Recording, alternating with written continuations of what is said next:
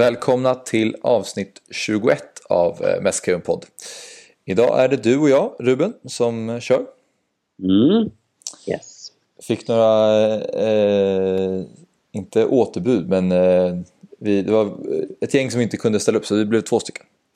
Ja, precis. Och vi, vi skulle ju spela den tidigare men så, så eh, blev jag sjuk i feber. Så Just det, precis. lite sånt. Lite motgångar i Ja. podden. Hur, hur pass sjuk var du? Ja, rätt så risig. Alltså, det är ganska fort över. Men, jag, men jag, över förra helgen så Ja, blev jag sängliggande. nästan. Missade en egen match på grund av Okej. okej. Ja. Men du är back in action nu? Back in action, redo att surra Barca. Nice. Mm. Ja, jag tänkte att vi kan gå igenom kort vad vi ska prata om idag. Vi börjar eh, med Champions League-lottningen. PSV, Tottenham, Inter, den eh, våran grupp.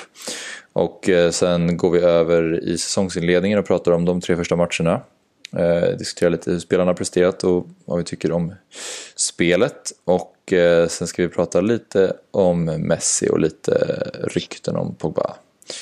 Och eh, avslutningsvis kan vi gissa hur det går i nästa ligamatch, vilket är mot Real Sociedad borta. Vi börjar, ja jag vet den är, den är tuff. Men eh, vi börjar i rätt ände så vi kör Champions League-lottningen. Eh, vilket jag som sagt sa blev eh, PSV, Tottenham och Inter. Spontana tankar kring den? Ja, att det är mardrömsgruppen i sammanhanget. Eh, man dras ju nästan för att använda uttrycket dödens grupp, men, men jag tycker ändå att det är på sin plats. här. Det, det är klart att Napoli hamnade i, det var en svår grupp där med Napoli, nu minns jag inte de andra, men, men, menar, i, i, Ja, det var tufft med Liverpool. bortsett från den så är väl vår grupp den absolut svårast. Så jag känner väl, det, det är med tanke på hur det såg ut borta i bortaspelet förra säsongen, framförallt mot större europeiska lag, så känner man ju lite sådär, man får lite kalla kårar när man Mm. ser på motståndet. Sådär. Eh, det är också just det där PSV, att vi fick PSV också. Eh, inte är såklart den absolut svåraste i sin pott. Men, men PSV är ju av, liksom blåbärslagen så är PSV det absolut starkaste, så som jag ser det. Eh, Mm. Det är två nitlotter där på samma gång. Ett storlag får man ju faktiskt förvänta sig. Och även om Tottenham är eh, ja, läskiga på sistet också. Men, Mm. men just PSV känns som, som pricken över i där. Ja, men hur PSV, de har gått ganska bra i ligan de senaste åren va, i Holland? Ja, precis. Jag, det är- jag har ingen eh, holländsk uppväxt på. Nej. Men, men de har vunnit två av tre ligatitlar vet jag och det är, det är inte illa pinkat man säga. Och har ju en del spännande spelare, bland annat han mexikanska, han, han som var så bra i VM, Lozano, som ju Just ryktades ganska, ja intensivt är fel men han ryktades åtminstone till Barca över sommaren här. Mm. Eh, det är en duktig spelare tycker jag som, som vi får akta oss för. Mm. Och sen om man ska, ska fortsätta på det spåret och titta på det spelmässiga så kan väl jag känna att Tottenham av storlagen så, så känns Tottenham extra läskiga i det att de, de och Pochettino är så duktiga på att bygga pressspel. Och vi vet ju att, att det är klart att, att möta Barca är ju å ena sidan att man möter ett av världens bästa lag. Eh, Och det är ju tufft. då. Men, men det är också, vi har, vi har berört det tidigare, det är också tacksamt så tillvida att man möter ett, ett ensidigt, ett taktiskt ensidigt lag.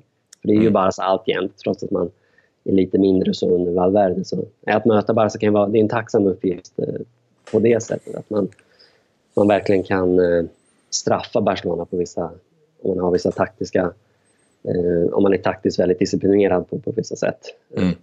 Mm. Och detsamma kän, känns ju lite som sa- samma känsla får jag kring Inter. Jag tycker om det är ett lag som ja, de har rustat väldigt eh, de har rustat väl inför säsongen, har börjat halvknackigt men jag får bara såna här vibbar att, att det är ett lag som som eh, kan komma att passa Barcelona ganska dåligt i, i just den taktiska bemärkelsen. Så att, att, ja, men du, du vet ju det där känslan när en lag som, som har svårt att föra spel in i sin inhemska liga plötsligt gör en jättematch mot, mot Barcelona och folk, folk säger vad kom det? Vad, vad har det inte varit förut? Och det handlar ju om det taktiska, att, att, att Barcelona är ett väldigt, en väldigt tydlig särprägel taktiskt. Ja, det är ett av de få lag man verkligen vet vad man får när man eh, möter dem.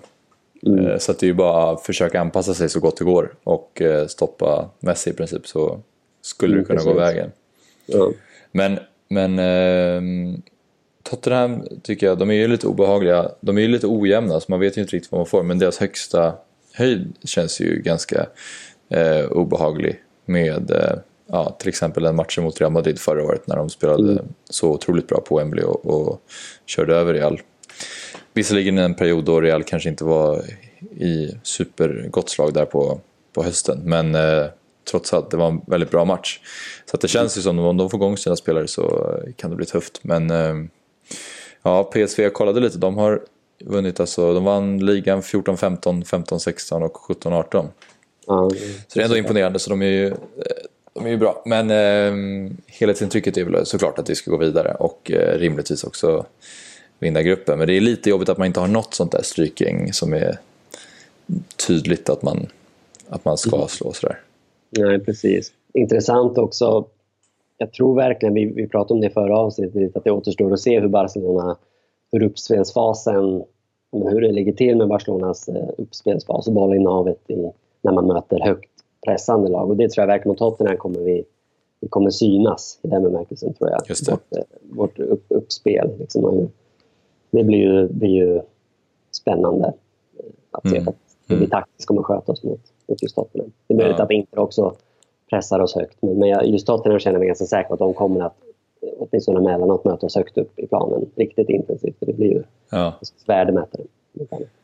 Den känns inte så Barca-mässig, gruppen. Det känns som att vi alltid har så Olympiakos eller Borussia Mönchengladbach eller ja. eh, jag vet inte, något, något eh, som är lite eh, sämre än de här tre men det, det kommer bli ganska tufft i alla fall. Men, men Inter har ju ändå inte börjat så bra i ligan får man lov att säga. Nej, precis. Det, det är väl någon sorts tröst i alla fall. Mm. Eh, men de har ju, redan tittar man på deras trupp har de ju en ganska, ett rejält bra lag tycker jag. Så det, man får hoppas att den formsvackan håller i sig, eller att de inte i alla fall hinner hitta form ja. Ja, de, har, de har ju byggt eh, något fruktansvärt nu under, ja, i alla fall den här sommaren, i känslan. Men eh, de får väl inte riktigt till det, men, men eh, man får ge dem tid också för att det ska funka. Det vore kul om de blev en stor klubb. Det känns som att det, det var länge sedan eh, som man såg Champions League-fotboll spelas på italienska arenor förutom Juventus Stadium. Mm. Eh, det, är, det, är ju ändå härligt att se en semifinal på San Siro. Eller, ja, San Siro är viktigt. Visserligen var ju Roma i semin förra året, så här, men just, just San Siro tror jag jag tänker på. Är, det, är en, eh, det är en, en ball arena, den känns ganska så här mm. mytomspunnen på det sättet. Det är alltid lite rökigt och så. Och det är Milan inte, det är två storlag. Så att, eh, mm. Det vore kul om de kom tillbaka till yttersta toppen. Ja, verkligen. Och bra för italiensk fotboll. Mm. Som du säger. Sen också om man vill säga inte, det är ju, det är ju ett sorts bugglag för Barcelona också i och med 2009-10 semifinalerna där. Det, det är mm. klart mycket har hänt sedan dess och det är väldigt sökt att dra en parallell men det, det är klart, det är ändå inte och det, ja, det, är ju, det är ju kvällar vid, vid sent eh. Så är det ju. Men eh, om du måste gissa gruppen då, vad skulle du, eller vad tror du? Alltså, jag håller med dig. Det rimligtvis går vi vidare. Antingen smätta eller två, troligtvis mätta. Men, men det, det mycket surret kring Barca, det, det var någon intervju med Messi och det har varit med Suarez. Surret är verkligen att vi har, nu finns förutsättningar för att, att vinna Champions League. Bucklan ska hem. Det, så är liksom mm. snacket varit nu på sistone. Jag, jag kan väl känna att det finns en... Ja, men det, jag vet inte, jag, jag vi, vi, när vi berörde det förra avsnittet. Valverde har ju alltid en del att bevisa. Eh, och det är klart, vi, vi är alla överens om att det finns vad gäller truppen finns, finns alltså truppmässigt att det finns bättre förutsättningar i år än förra året. Ganska mycket bättre förutsättningar men jag känner mig långt ifrån säker på att Barca ska gå men promenera hem den här turneringen eller den här gruppen. Mm. Så, där, så jag, jag, ja, det, det återstår att se liksom hur, mm. i vilken utsträckning eh, Valverde har lärt sig läxan från förra säsongen. Ja. Jag känner mig ändå relativt trygg att vi ja, åtminstone gå vidare. Men ja, det känns ändå, ja, baserat på, på, på inledningen, att vi kommer ta gruppen också, eh, ta i trä. Men eh, absolut, det är, det är lite tidigt att säga att så här, nu, det här är året vi kommer gå hela vägen. För det känns inte riktigt som att det går att läsa av än. Men det var kul att eh, Messi sa i en intervju att han eh, trodde mycket på truppen och han lät väldigt positiv. Mm. Eh, och det känns ju betryggande i två aspekter. Dels att eh, då tänker man ju att det han säger är förmodligen rätt och det innebär också att han kanske känner att eh, han vill stanna kvar, eller klubben satsar mer nu liksom. Mm. Ja, han sa ju det rakt ut att, att han inte ser någon anledning att lämna. Och det, Precis. Han, har ju, han har ju aldrig hintat om att han ska lämna, å andra sidan. Men mm. Man har ju aldrig fått känslan att han kommer att lämna. Men, men det är ändå icke desto mindre skönt att höra att han kommer att stanna. Och det, ja. det. Men vilka kommer veta eller vilka kommer tvåa? Ja, men då säger väl jag att vi kommer tvåa och Tottenham etta. Okay. Som, en, som en sorts anti-jinx. Men, men jag tror Tottenham tror jag blir riktigt tuffa. Jag är, inte, jag är långt ifrån... Det är klart att vi har, väl ett, vi har en bättre, en, en bättre startelva än vad de har. Men jag, jag tycker det är ett riktigt bra lag och jag tror att taktiskt så passar Tottenham Barca mm. ganska uselt faktiskt. Mm. Så. Och eh, 3-4 då? Ja, men... Eh, ja, men inte 3 PSV 4. Ja. Sticka ut taken. Ja. Nej, jag tror väl eh, samma för, fast jag byter plats på Tottenham Barca. Nio av nio poäng i säsongsinledningen. Mm. Eh, senast en 8-2-seger mot Huesca och det är väl den som man har närmast eh, här, vilket ju började lite svajigt men, men blev ju väldigt bra till slut. Vad är dina eh, tankar efter de här tre inledande matcherna? Vad, hur känner du dig? Nöjd eller mm, finns det mer, mer att ta av? Ja, alltså det, det blir en sorts tre, nästan tredelat svar du får av mig. Mm. Nej, men det är så här, först och främst, Valladolid-matchen är ju väldigt svår att eh, skärskåda. Alltså, det, det, var ju... Ja. ja. Planen var ju så dålig helt enkelt. Det, det liksom satte käppar i hjulet för ja, allting. Mm. Helt enkelt. Den är svår att, att, den prestationen är svår att uh, kritisera eller hylla. Men, men första matchen, vi satt ju när vi spelade in förra avsnittet, var det ju, då hade, ju, hade vi spelat någon match och eh, jag kan väl tycka att den första matchen fungerade åtminstone för mig, jag vet inte hur du känner, men, men för mig som en sorts, ja, men lite nyttig påminnelse om att Valverde alltjämt är Valverde. Det, det var ju, man hade ju hoppats att till exempel Arthur skulle komma till spel och att det mm. skulle vara en offensiv balans och högt pressande, ja, du vet, lite, lite gamla Barca men och det det vi såg eh, under första säsongen också, men, men så, det fick vi inte se. Utan det var ju, tvärtom var ju, kom ju Rakitic och Sergio Roberto till spel samtidigt. Och det tycker jag blev, var tydligt.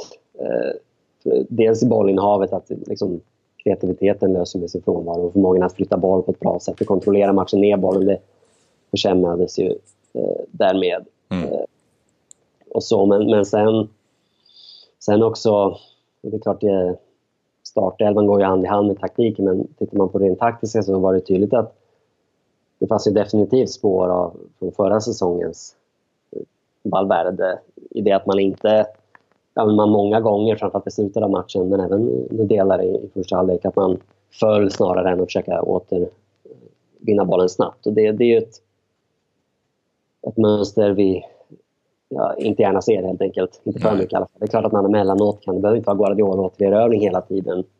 Eh, men att i den utsträckningen, som i första matchen, att, att, att i den utsträckningen falla och kontrollera matchen på det sättet, det, det tycker ingen av oss är okej okay, helt enkelt. Så det var en ganska tråkig match på det sättet och en mm. reality check lite grann. Uh, han flyttade ju... du känner kring, kring den matchen. Jag kanske överdriver lite grann, men det var, det var min känsla i alla fall. Nej, men så var det ju äh, tveklöst. Man hade ju ganska stora förhoppningar och, och förväntningar på att det skulle bli något annat än förra säsongen. Och visst, han startade med Dembélé, men han satte in Roberto på innermittfältet. Det kanske inte var min förhoppning, även om jag jag vill ju gärna att Roberto ska spela, men jag tycker inte att han ska spela just där. Och eh, det var ju tydligt också att han fick lite han blev lite nojig där i halvtid och bytte ut sig med och direkt plockade ner Roberto på mm. högerbacken. Eh, så pass tidigt, vilket ju ändå signalerar om att han eh, någonstans ville tillbaka till ännu tryggare eh, rötter i och med att han ville ha det bara tillbaka på, på högerbacken. Mm. Eh, visserligen bytte han in Coutinho så det blev lite offensivare balans men eh, jag tror i grund och botten att det hade det att göra med att han kanske inte tyckte att Smedo klarade av högerbacken på, på rätt sätt och ville pressa framåt för ett ledningsmål. Men eh, det, det, har ju synts eh, vissa tendenser. Jag menar, de, det är ju ändå mer, mer eh, 4-3-3 orienterat spel offensivt. Mm. Eh, och sen fortfarande väldigt 4-4-2 rakt defensivt. Och det har jag väl inga problem med, men det är väl återigen som, som du har varit inne på, det är återerövringen som man gärna... Man vill att Barca ska ha bollen i princip hela tiden. Eh, och man vill att de ska ta för sig. Och, eh, Det är svårt att säga att de inte gör det när de vinner med 8-2. Eh, men Huesca var ju också ganska bedrövliga stundtals. Eh, och det var ju tuffare mot till exempel Alaves. Ja, och det är just det där vad vi gör när man förlorar bollen. Det är ju ganska signifikativt. Det är ju alltid det för ett Barcelona-lag. Det, det är ju någonstans just därför, eftersom i min värld och i många andras värld är ju just nyckelordet kontroll. Att, att, just det att kunna kontrollera och spela av matcherna med bollen, det är ju någonstans... Ja, men att, att eh, motståndarna ska, ska... Det ska vara tröstlöst för motståndarna. Att vi ska kunna spela omkring dem och förbi dem med bollen. Mm. Vi ska vara aktiva snarare än reaktiva. Det är någonstans... Det ligger väldigt nära Barcelonas liksom, ja. ideal. Det, ja. Det har man ju förlorat lite grann värde. Men, ja. men du kom in på Huesca-matchen och det... Och om de första matcherna, om första matchen var ganska defensivt präglad så var ju, åtminstone sett i startelvan, så var ju, var ju Huesca-matchen, då, då fanns ju Dembélé och Coutinho på plats samtidigt och det var 4-3-3 och, och utfallet blev ju därefter tycker jag. Och det var ju, det var ju faktiskt riktigt roligt att se. Det kändes ju livligt och, och spetsigt och offensivt och allt det där. Sen är just frågan, ja, som du säger, Huesca, det, det, det korthuset följer ju ganska fort men det är ju just det här balansmässigt. Kommer, kommer Valverde att våga spela Coutinho och Dembélé samtidigt? Blir det inte lite för hög risk? Jag tycker Marcus som brukar vara med på han skrev ju en bra text på sin blogg om det och tog just upp det, det vi har pratat om i podden. Han har också pratat om i podden, just det här med att risk, alltså att det, att det är ett ganska litet nålsöga att ta sig igenom. Att man ska å ena sidan ta risker och spela väldigt offensivt men man blottar sig ju därmed bakåt för, mm. för omställningar. Och där, där måste ju Valverde lösa det någonstans. För, och, jag, och jag har nämnt det förut, jag tror att risken är att om Dembélé och Coutinho spelar samtidigt så kommer det oundvikligen bli mer öppna spel och vi kommer förlora kontrollen på det. Det är just av, av den anledningen, den enkla anledningen jag tycker att Coutinho ska spela vänsterytter. Mm. Det är klart, jag tycker också han passar där bra, men det är framförallt eh, den här risk, risk eh, ja, frågan som, som jag... Ja. Um, jag tror, och, och, då kan man ju få in Artur rätt mot hörn också i, i mitten. Och det tror jag också är bättre för hela kontrollen och, och balansen och allt det där. Så, så du tänker där... att det blir Dembélé som, som rycker i din värld då?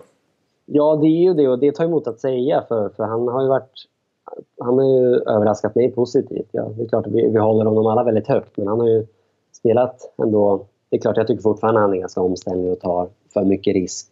Mm. Så jag vill att Barcelona ska spela men han har ändå varit bra. Han är löpvillig och han, han, vet, han jobbar hårt och skapar mycket och har gjort mål. Och, mm. Men, men jag, liksom, jag får inte riktigt ihop den taktiska ekvationen annars. Det, Nej, det är svårt. Det, det är alltså... då offra Coutinho kanske, eller om Coutinho kan liksom, ja, men bli lite mer snäv i sin roll och, och tygla sig själv lite mer. Men det vill jag inte heller. Jag tycker det är viktigt att Barcelona har en attackerande mittfältare med X-faktor och ha en Iniesta-typ där. Det, det är mm. liksom fundamentalt Barcelona spelar också. Så jag, um, och ser man under Guardiola så var ju yttrarna... Det är klart man, man ska, jag vet man ska vara försiktig med att hela tiden stirra sig blind på Guardiolas Barcelona men där var ju yttrarna mycket mer det var mycket energispelare. Det var en Pedro som, som löpte för att skapa ytor åt andra, för att skapa ytor åt Messi och Iniesta. Det, och det är klart att ja, Messi är inte lika genombrottsstark längre. Alltså, liksom, han, är, han är ju det mest genombrottsstarka av alla alltjämt. Men, eh, men han spelar på ett lite annorlunda sätt. Och det är klart att ja, då behövs det andra typer av genombrottskraft. Ja. Ja, du förstår vad jag där är, Så är det Men eh, den som är mest Pedro-lik skulle jag ändå säga är Dembélé i så fall, alltså för att skapa ytor åt andra. Han känns ju lite rörligare, rörligare än Coutinho. Jo, i spelet utan boll, men, men mm. med boll så var Pedro mycket mer. Pedro hade inte... Nu har jag ingen, inga siffror liksom här men, framför mig, men jag, jag kan att det alltid äger på att eh, Dembélé har många fler bolltapp. Ja, tveklöst. Och det, är ju apropå, och det är ju det jag menar med att har man, spelar man med så offensiv balans som Barcelona och samtidigt inte ska blotta sig bakåt i omställningarna om man ska kunna ligga så högt i positionerna, då kan man, inte ha, då kan man ha x antal bolltapp.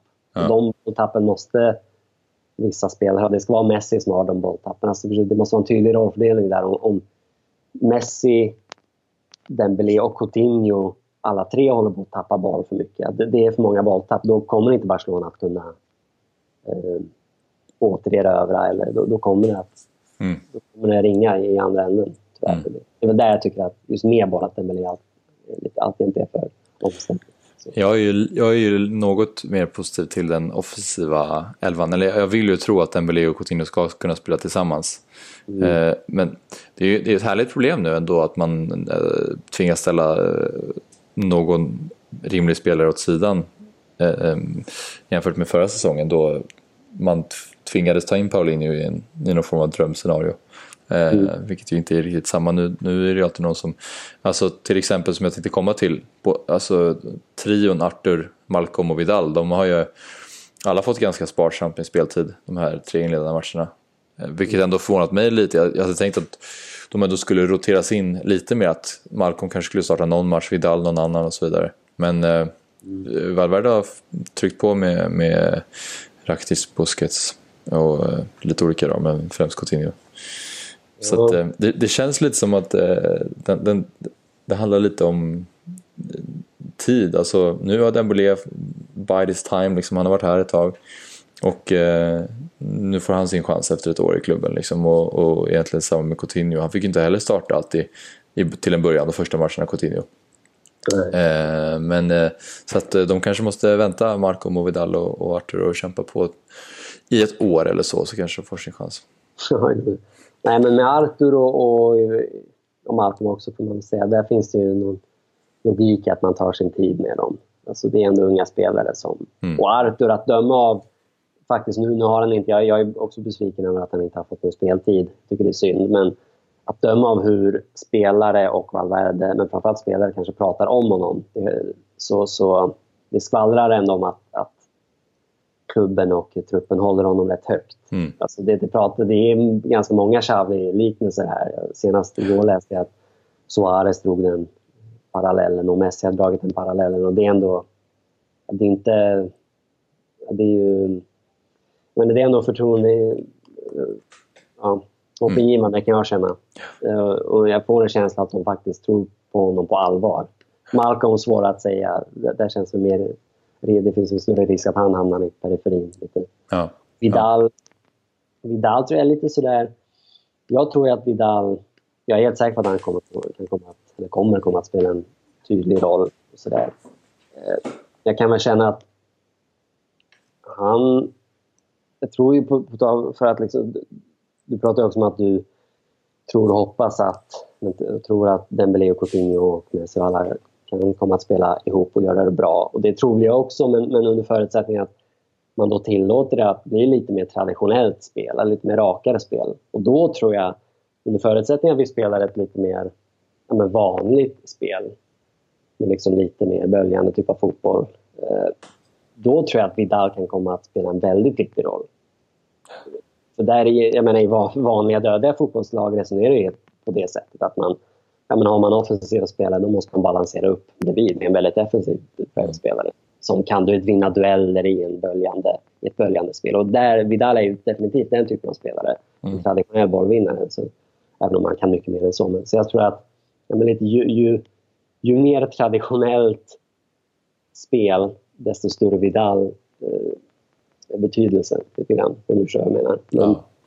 Jag tror om, om det är så att Valverde vill hitta tillbaka till katalanska typen av spelare, ja då det är klart att det, är, det finns alltid utrymme för en bollvinnare och, och balans och sådär. Men jag, ja, då tror jag att... Mm, mm, mm. Då köper jag, då tror jag Rakitic kan göra den, spela den rollen på ett ganska bra sätt också. Och jag, jag tror att, att till och med Arthur kan komma spela den rollen ganska bra. Roberto till och med. Alltså, det tror jag att, ja. Så kan det vara. Ja, men det ska bli i alla fall kul att se Vidal in action lite mer. Han hade ju en väldigt snygg bissa framspelning till Suarez. Ja, ja han är, han är otroligt omåttligt populär redan. Det kanske har att göra med att han, han har snackat lite skit om Real. Ah. och, I och med att de åkte ut så snöpligt förra säsongen. Ja. Jag tror han sa att det skulle vara ha funnits skulle Real ha vunnit en CL-titel. Ja. Senast, ja, helt rätt. Jag tror att det har vunnit en del poäng hos, hos Barca-fansen. ja, han, han vann mig när han sa det i alla fall. Ja, Vi eh, tar oss vidare till nästa punkt i vårt schema som ju är eh, Leo Messi. Vi ska inte nödvändigtvis, man kan ju prata i egentligen hur länge som helst om Messi och ha x antal avsnitt bara om honom. För att han är så otroligt bra och kan fortfarande verkligen bära hela Barcelona i match efter match.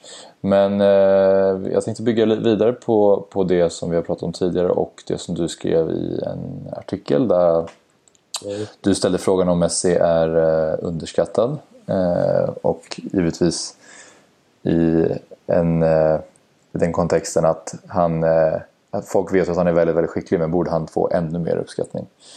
Ehm, och nu är det ju aktuellt eftersom han inte har blivit nominerad till eh, olika priser för världens bästa spelare. Jag tycker att det ändå är lite intressant att prata om med tanke på att han ju har eh, väldigt mycket statistik på sin sida som eh, talar för att han är bättre. Han gjorde flest antal mål förra säsongen. Han gjorde flest assist, flest frisparksmål, han skapade flest chanser, flest key passes och så vidare. Listan är ju väldigt, väldigt lång. Och ändå blir han inte uttagen och det är ju känslan att det har att göra med att han är för, för jämnbra hela tiden. Folk bara förutsätter att han är där och därför sticker andra spelare ut mer. Som Luka Modric och som eh, Salah. Vad tänker du kring det här? Ja, alltså det finns ganska många delar i det. Jag, jag, tycker först och främst, jag kan hålla med om att det finns absolut argument för att Messi ska... Eh, eller så här, man kan börja i den här änden. Det var priset liksom för ja, men till exempel Fifas pris, eller Guldbollen för den mm. delen. Mm. Eller Uefas pris, som Modric vann här. Det, först och främst måste man fråga sig vad är det för typ av priser? Det, och så, så som jag förstår det så är ändå så väger ju eller jag har sett, sett historiskt sett, så väger ju Champions League och VM väldigt, väldigt tungt. Ja. Om det är premisserna, ja då finns det ju någon sorts logik att Messi inte är där. Ja. Och att det är ett helt enkelt, att priset speglar vilket lag du spelade i. Mm. Eh, och hur bra det laget var. Liksom. Mm. Och huruvida det laget vann den stora titeln i fråga. Och det kan jag tycka det, är helt orimligt. Men ja, fortsätt. Ja, och det, ja, jag tycker att det är helt orimligt att, att, att, det, att det skulle vara för mig. jag tycker att det att då blir liksom... Eller ja, då borde det finnas ett till pris för, för den spelare som är den bästa spelaren. Men, men, men så här, mm. om det ändå är så, så priset är utformat, eh, tycka vad man vill om det, så ja, då finns det någon sorts logik att Messi inte vinner. Men, men det jag kan liksom, det som vrider sig i magen för mig och det, det som jag tycker känns det, det illaluktande här är väl att det att det inte... Alltså min känsla att det inte nödvändigtvis just nu finns en sorts jag menar en sorts eh, asterix som, som, eller en fotnot som, som sen gör gällande att ja men priset Cristiano eller Modric de förtjänar priset absolut men den bästa spelaren är alltjämt Messi. Det borde vara verkligheten vi lever i. Det borde vara allas, det borde vara, ja. det borde vara intrycket vi alla lever under på något sätt. Men, men, och det, det känns som att det inte i samma utsträckning som förut är så längre. Det känns som att folk inte kan hålla de två tankarna i huvudet samtidigt. För, för en förutsättning att folk kan hålla de två tankarna i huvudet samtidigt, då har jag inga som helst problem med att Cristiano vinner Guldbollen. Nej. Eller att Modric var bra i VM och därför vinner uh, Fifas pris för bästa spelare, eller vad det nu kan vara. Det, förstår jag menar? Det, ja, ja. Inte, jag vänder mig emot att, att allmänhetens bild mot Messi börjar sakta förändras. jag tror att ja. det är där som den här... Eh, ja, men det faktum att, att Messi har varit så bra över så lång tid. Att det, där kommer det in och det, det blir relevant i, mm. där tror jag. För, för, jag tror att det är väl det mer än något annat som har bidragit till att den här allmänna, allmänhetens intryck att Messi börjar förändras. Ja, ja, sen liksom, så, så jag menar, man får skilja på saker och. Så är det jag, jag håller helt med. Jag, ty, alltså, jag tycker att steg ett ska ju vara att ändra prisets innebörd. Alltså, och det är ju ett individuellt pris och därför tycker jag att det ska gå till den... den priset heter ju liksom, ett av de här heter ju The Best. Mm. Eller, ja, och då ska den väl gå till den spelare som har eh, varit bäst. Det står ju ingenting om att det har med någon lagtillhörighet att göra. Nej, visst, ja, man, kan ju, man kan ju hävda att så här, okay, om en spelare gör 50 mål i Allsvenskan och gör flest i Europa, den kanske inte ska få priset eh, eftersom det är en lägre nivå. Men jag skulle ändå vilja hävda att det här, alltså, oavsett om man går till kvartsfinal i Champions League eller om man går till final i Champions League så är det fortfarande samma nivå. Det är bara att laget har lyckats pricka in sin toppform något bättre de, de här två dubbelmötena. Real har ju haft en skicklig vinnarkultur. Mm. Också mycket har göra med Ronaldo och hans vinnarskalle så det är såklart att han ska ha, ha det. Men han är fortfarande inte en bättre fotbollsspelare än vad, eh, vad Messi är och det tror jag många ser men det, blir, det slår helt fel. Och om man nu ska ha priset som någon form av så här, ja, du må, ditt lag måste gå bra annars kommer du aldrig få priset.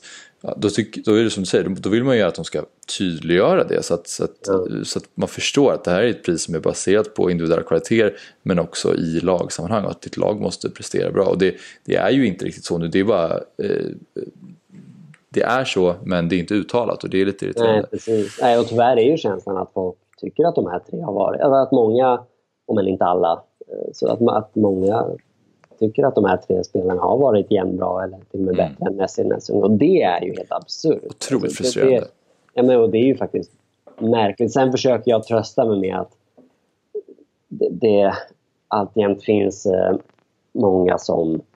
Alltså, ja, men väldigt många som, som faktiskt håller Messi högst och som tycker att det är nonsens och som tycker att...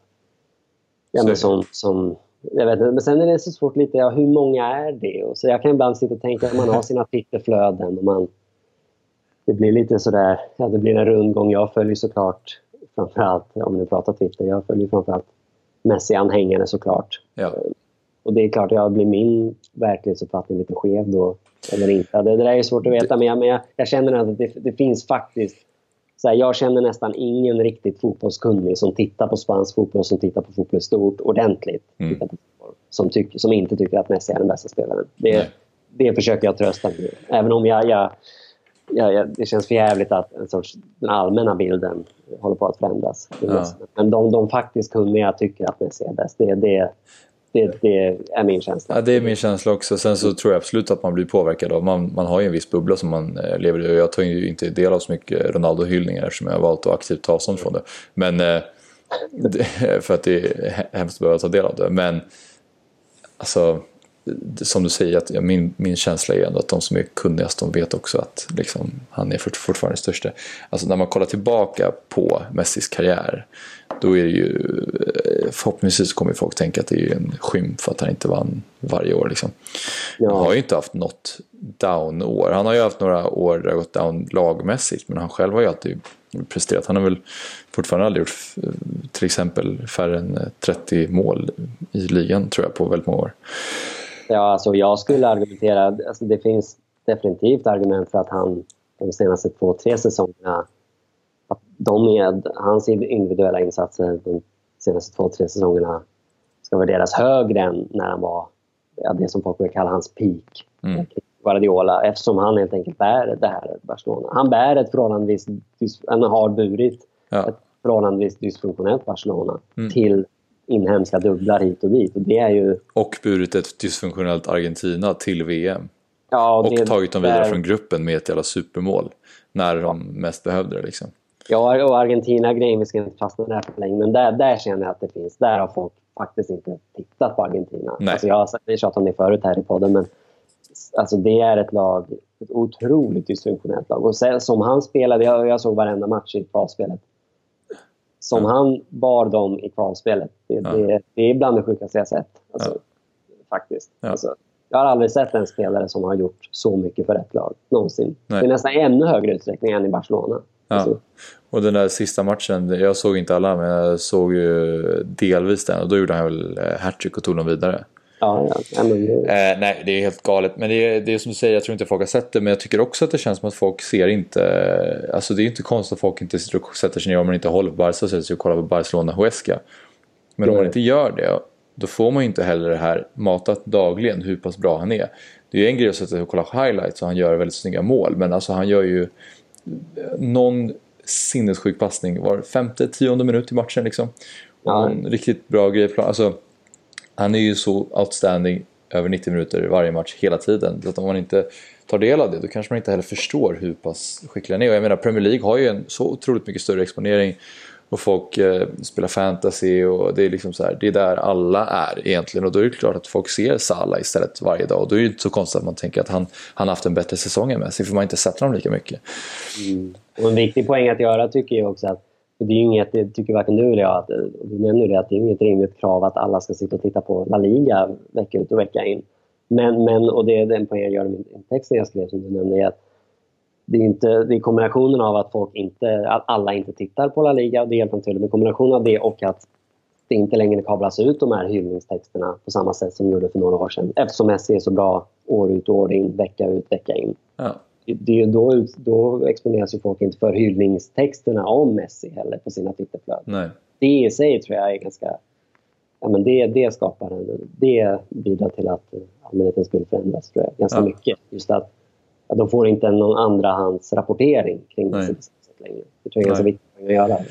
Det är, det är därför också, vi ska inte fastna i det här för länge, men det är därför också när Barcelona spelar stora matcher i Champions League så känner jag ju alltid en viss press på Messi. För att det är, så här, nu, det är nu alla kollar. Om det är Barca-Juve i en kvart, liksom, då kollar mm. världen, inte bara Barca-anhängarna. Och då vill mm. man ju att han ska vara bra så folk får se den absolut bästa Messi. Mm. Och det är därför det är lite plågsamt när han då till exempel som mot, mot Roma där, mm. bortamatchen, när han är ganska eh, ja, utanför matchen. Och då, då kan man förstå, ja, det är det här, den här matchen plus två, tre till kanske liksom, som inte håller bara så har sett den här säsongen. Då kanske de tänker att Messi har varit dålig den här säsongen. Mm. Så det är synd. En, en sista poäng bara jag vill göra. Ja. Så vi ska, sen ska vi gå vidare. Men jag tycker också det finns, i allt det här jobbiga och frustrerande, så finns det något härligt som jag tror... Jag tror ändå någonstans att det här... Eller jag är helt säker på att det här, och jag, jag tycker man kan se det nu, att det här förstärker Messis. Det, det ytterligare cementerar Messis status som gud i Barcelona, i Katalonien. Jag menar, det är, om, om det, reaktionerna är ju starka. Ja. Och det faktum att han, han, han, han inte är med i de här eh, topp tre-placeringarna. Ja. Och det är på något sätt, ja men du vet, i motgång så sluter man samman. Och, och jag har aldrig... Det, känslan att, att ja, men det Totti-statusen har... Han har aldrig varit närmare Totti-status eh, någonsin känner jag. Jag tror att det är, hans status underblåst, blir underblåst av det här också på något paradoxalt sätt. Ja. Alltså, mm. Och så, är det, och så är det så härligt att han liksom matchen efter mot Huesca kan göra ett hattrick och så ger han bollen till Suarez. Det säger också så här, hur, han bryr sig mm. inte. Han, han, spelar och så har han kul och vill att alla ska trivas. Det är känslan. Det är fantastiskt.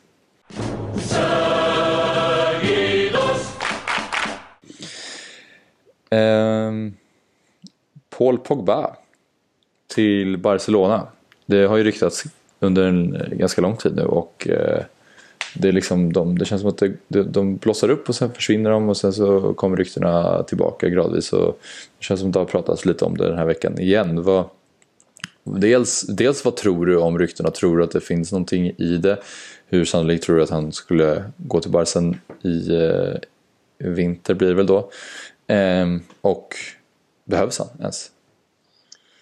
Ja, alltså först och främst, alltså ingen rök utan eld-principen råder ju i min värld i alla fall. Alltså jag är helt säker på att det ligger en massa i det som har rapporterats. Mm. Eh, jag, jag, känner mig hyfsat säker på att han har erbjudit i, på, i no, på något sätt. Eh, kanske via bakvägen eller och hur vet jag, jag vet inte hur Mino Raiola jobbar men jag är helt säker på att det ligger något i ryktena först och främst. Eh, mm. Och två, ja, jag, jag tycker inte alls, jag tycker att han är en helt att det vore en katastrofal värvning på många sätt. Jag tycker mm. att han är en väldigt bra fotbollsspelare men jag, jag, han skulle dels antar jag kosta ja, åtminstone någon miljard.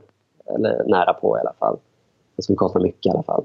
Eh, det finns spelare underifrån numera som, som förtjänar och, och som förtjänar en chans. Mm. Som jag tror har potentialen att växa ut till någonting. Sen hur bra de är, får vi se. Men de, de åtminstone har visat upp tillräckligt mycket för att de förtjänar en chans. Och de behöver ju speltid för att utvecklas. Ja. svårare än så är det ju inte. Och, så de grejerna. Och sen, det, om man tittar på Pogba som spelare, jag tycker att han han är en spelare, så i min värld, spelare som ska... Han, det är klart, han kan ju allting. Han kan göra allting. Han är typ... Men, han kan ju dribbla, tacklas, springa. Han är ju liksom grym på alla sätt och vis. Men antingen... Jag tycker att han ska vara... Ska han lyfta i Barca så ska, ska han vara härföraren. Han ska vara den som har fria tyglar. Eh, på mittfältet eller längre fram i planen än så. Eh, jag ser inte att han Barcelona är ju så otroligt systematiska i sitt spel. Och det finns bara, vi pratade om det tidigare, på risktagande och sådär. Det finns inte utrymme för så många eh, spelare med fria tyglar i Barcelona. Eh, Nej. Så som de har spelat under det senaste decenniet i alla fall. Det, eh, Nej.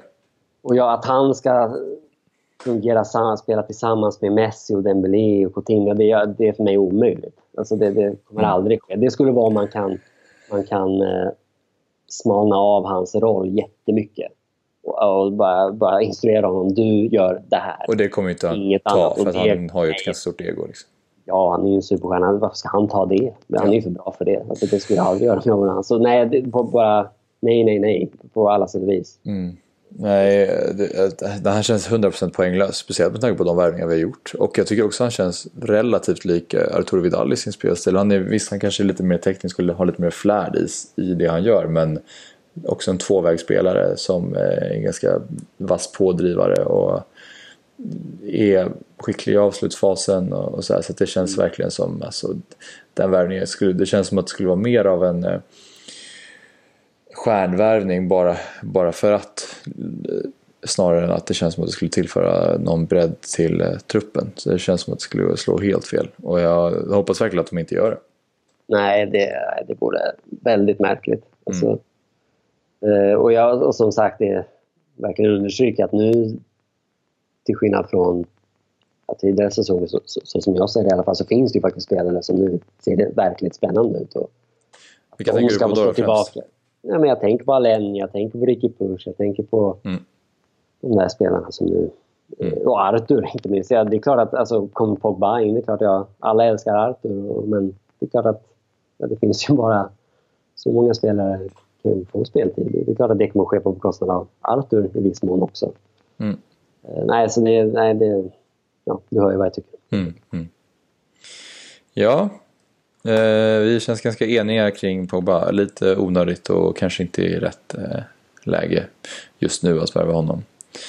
Vi eh, ska börja runda av dagens avsnitt. Men jag tänkte vi kunde avsluta med att eh, vi behöver inte diskutera matchen på Anoeta så mycket men vi kan åtminstone gissa lite vad det, vad det blir. Det, det har ju varit tufft för Barcelona eh, mot Sociedad eh, historiskt sett. Men det var förra, förra, året som de slog den första gången på, på länge med, eh, vill minnas att det var ett väldigt regnigt möte och ett väldigt snyggt frisparksmål av Messi och även en väldigt eh, delikat, ett eh, snyggt eh, lobb slash, slash chipavslut av Suarez.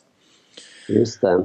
Som var väldigt snyggt. Två mål som kvalade in på våra, när vi gjorde säsongsavslutningen. Just det kvalade mm. in på vår årets snyggaste mållista. Eh, men nej, precis. Det är väl, det är väl just att förbannelsen har brutit som, som gör att man känner att det, det finns chans för vinst. För, för det var ju helt... Hur länge var det? Jag tror det var ju över tio år. Eller var det nio år? Något sånt där. Ja, något sånt var det Ja, det är ju helt orimliga siffror. Ja. ja. Eh, men... Eh, Med det sagt, trots att brusen så är det såklart ingen, det är ingen lätt match. Nej, Det kommer bli tufft. Och nu har man ju läst att, att det är nylagt gräs där också. Vilket ju okay. illavarslande på något sätt. Det ska ja. bli något mönster där att bortamatcherna spelas på åkrar. Det vill man inte Nej. se. Men, ja. eh. Nej, men Sociedad är ett bra lag. Jag, jag tycker att eh, de är ju... De blandar och ger det lite från säsong till säsong, men jag tycker ofta att de har en väldigt hög högsta nivå. Jag tycker att de har ett, liksom, är väldigt spanska i den bemärkelsen att de är liksom många spanska lag bra på att hålla i bollen och bra. Det är ett roligt lag att titta på med en hög högstanivå. Ja, vi får oss. En seger, en förlust och en oavgjord har fyra poäng. Mm. Kommer senast från segern som var lite vind i ryggen i alla fall. Ja, men vad, om vi bara gissar resultat bara för att det är lite kul då. Vad gissar du? Ehm, 2-0 Barca. 2-0 Barca. Då säger jag 3-1 till Barca. Grymt! Eh, det var det för idag. Och eh, som alltid så vill jag bara påminna er som lyssnar att eh, jättegärna mejla eh, meskeumpodd.gmail.com om ni har någonting eh, som ni vill att vi ska ta upp eh, eller vad som helst egentligen. Feedback generellt är alltid kul. Eh, annars så är det nog eh, bara att tacka så är vi tillbaka igen om två veckor. Hej! Yes.